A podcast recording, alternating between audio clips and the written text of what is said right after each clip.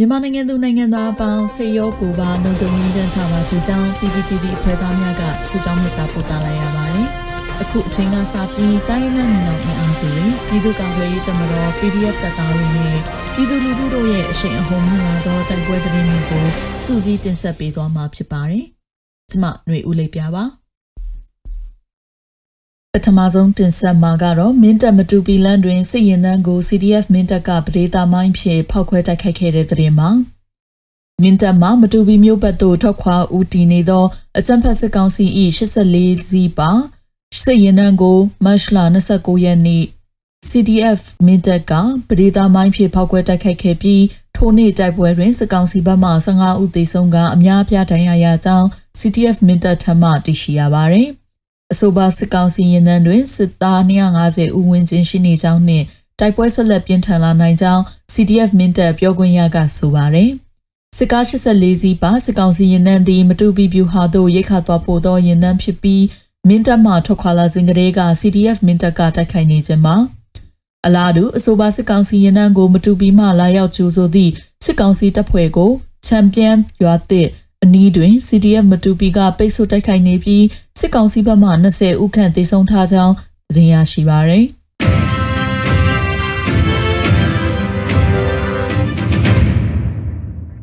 ဆလက်တင်ဆက်မှာကတော့အရာတော်တချင်းကြီးကျေးရွာရှိစစ်ကောင်စီတပ်စခန်းကို PDF ပူးပေါင်းတပ်ဖွဲ့ကသိမ်းပိုက်စစ်သား9ဦးသေဆုံးပြီးစစ်တပ်3နေသည့်စိုက်ကယ်3စီးနှင့်အယောင်ဆောင်လူနာတင်ကားသိမ်းဆည်းရမိတဲ့တဲ့တင်မှာ စကိုင်းတိုင်းအရာတော်မြို့နယ်တချင်းကြီးကျေးရွာရှိစစ်ကောင်စီစခန်းကိုဧပြီလ၁ရက်နေ့မွန်းလယ်တနာရီအချိန်တွင် PDF တပ်ပေါင်းစုကတင်ပိုင်နိုင်ကြောင်းသတင်းထုတ်ပြန်ပါတယ်။မတ်လ၁ရက်နေ့မွန်းလယ်တနာရီခန့်အချိန်0ပျောက်ကြားတပ်ဖွဲ့မြင်းချမ်းနှင့်အတူတပြေညို Falcon Force အရာတော်ဖုံနိုင်ဗရမ ्या ညီနောင်အဖွဲ့များကလက်နက်ကြီးလက်နက်ငယ်များဖြင့်ပစ်ခတ်တိုက်ခိုက်ခဲ့ရာစစ်ကောင်စီတပ်ဖွဲ့ဝင်9ဦးသေဆုံးပြီး9ဦးဒဏ်ရာရရှိကြောင်း တိုက်ပွဲဖြစ်ပွားချိန်2နာရီကျော်ကြာမြင့်ခဲ့ကြောင်းသတင်းထုတ်ပြန်ပါတယ်။တိုက်ပွဲအတွင်းစစ်တပ်စခန်းကို PDF တပ်ပေါင်းစုကသိမ်းဆည်းနိုင်ခဲ့သည့်အပြင်စိုက်ကယ်3စီးသိမ်းဆည်းရမိခဲ့ကြောင်းစစ်ကောင်စီတပ်များကအယောင်ဆောင်အုံပြုလျက်ရှိသည့်လူနာတင်ရင်လဲလက်နက်ကြီးထိမှန်ပျက်စီးမိလောင်ကျွမ်းခဲ့ကြောင်းသိရှိရပါတယ်။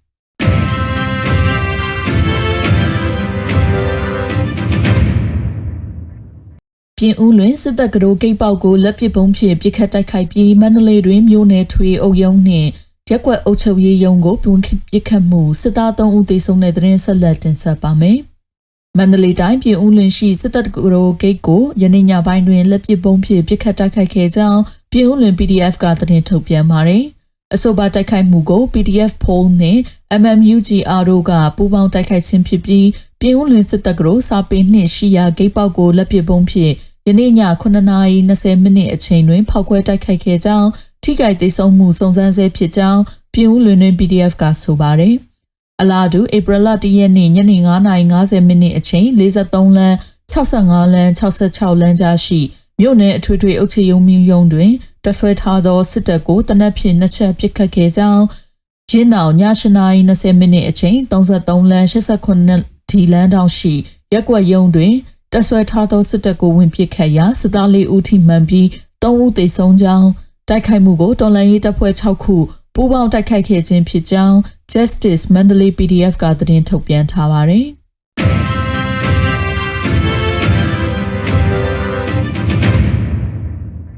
နောက်ဆုံးအနေနဲ့အမျိုးသားညီညွတ်ရေးအစိုးရပြည်ထရေးနဲ့လူဝင်မှုကြီးကြပ်ရေးဝန်ကြီးဌာနက2022ခုဧပြီလ2ရက်နေ့ရက်စွဲနဲ့ထုတ်ပြန်တဲ့ပြည်သူ့ခုခံတော်လှန်စစ်တရင်အချက်လက်တွေကိုတင်ဆက်ပေးသွားမှာပါ။အာနာသိန်းကျန်းဖက်စစ်အုပ်စု၏ပြည်သူလူထုအပေါ်အကြမ်းဖက်ဖိနှိပ်ဖန်ဆီးတိုက်ခိုက်တပ်ဖြတ်နေမှုများကိုပြည်သူလူထုတရက်လုံးကအသက်ရှင်သန်ရေးအတွက်မိမိကိုယ်ကိုမိမိခုခံကာကွယ်ပိုင်ခွင့်အရာပြည်သူ့ခံစစ် People Defensive War ကိုဆင်နွှဲလျက်ရှိပါတယ်။တရင်ချက်လက်များအရာ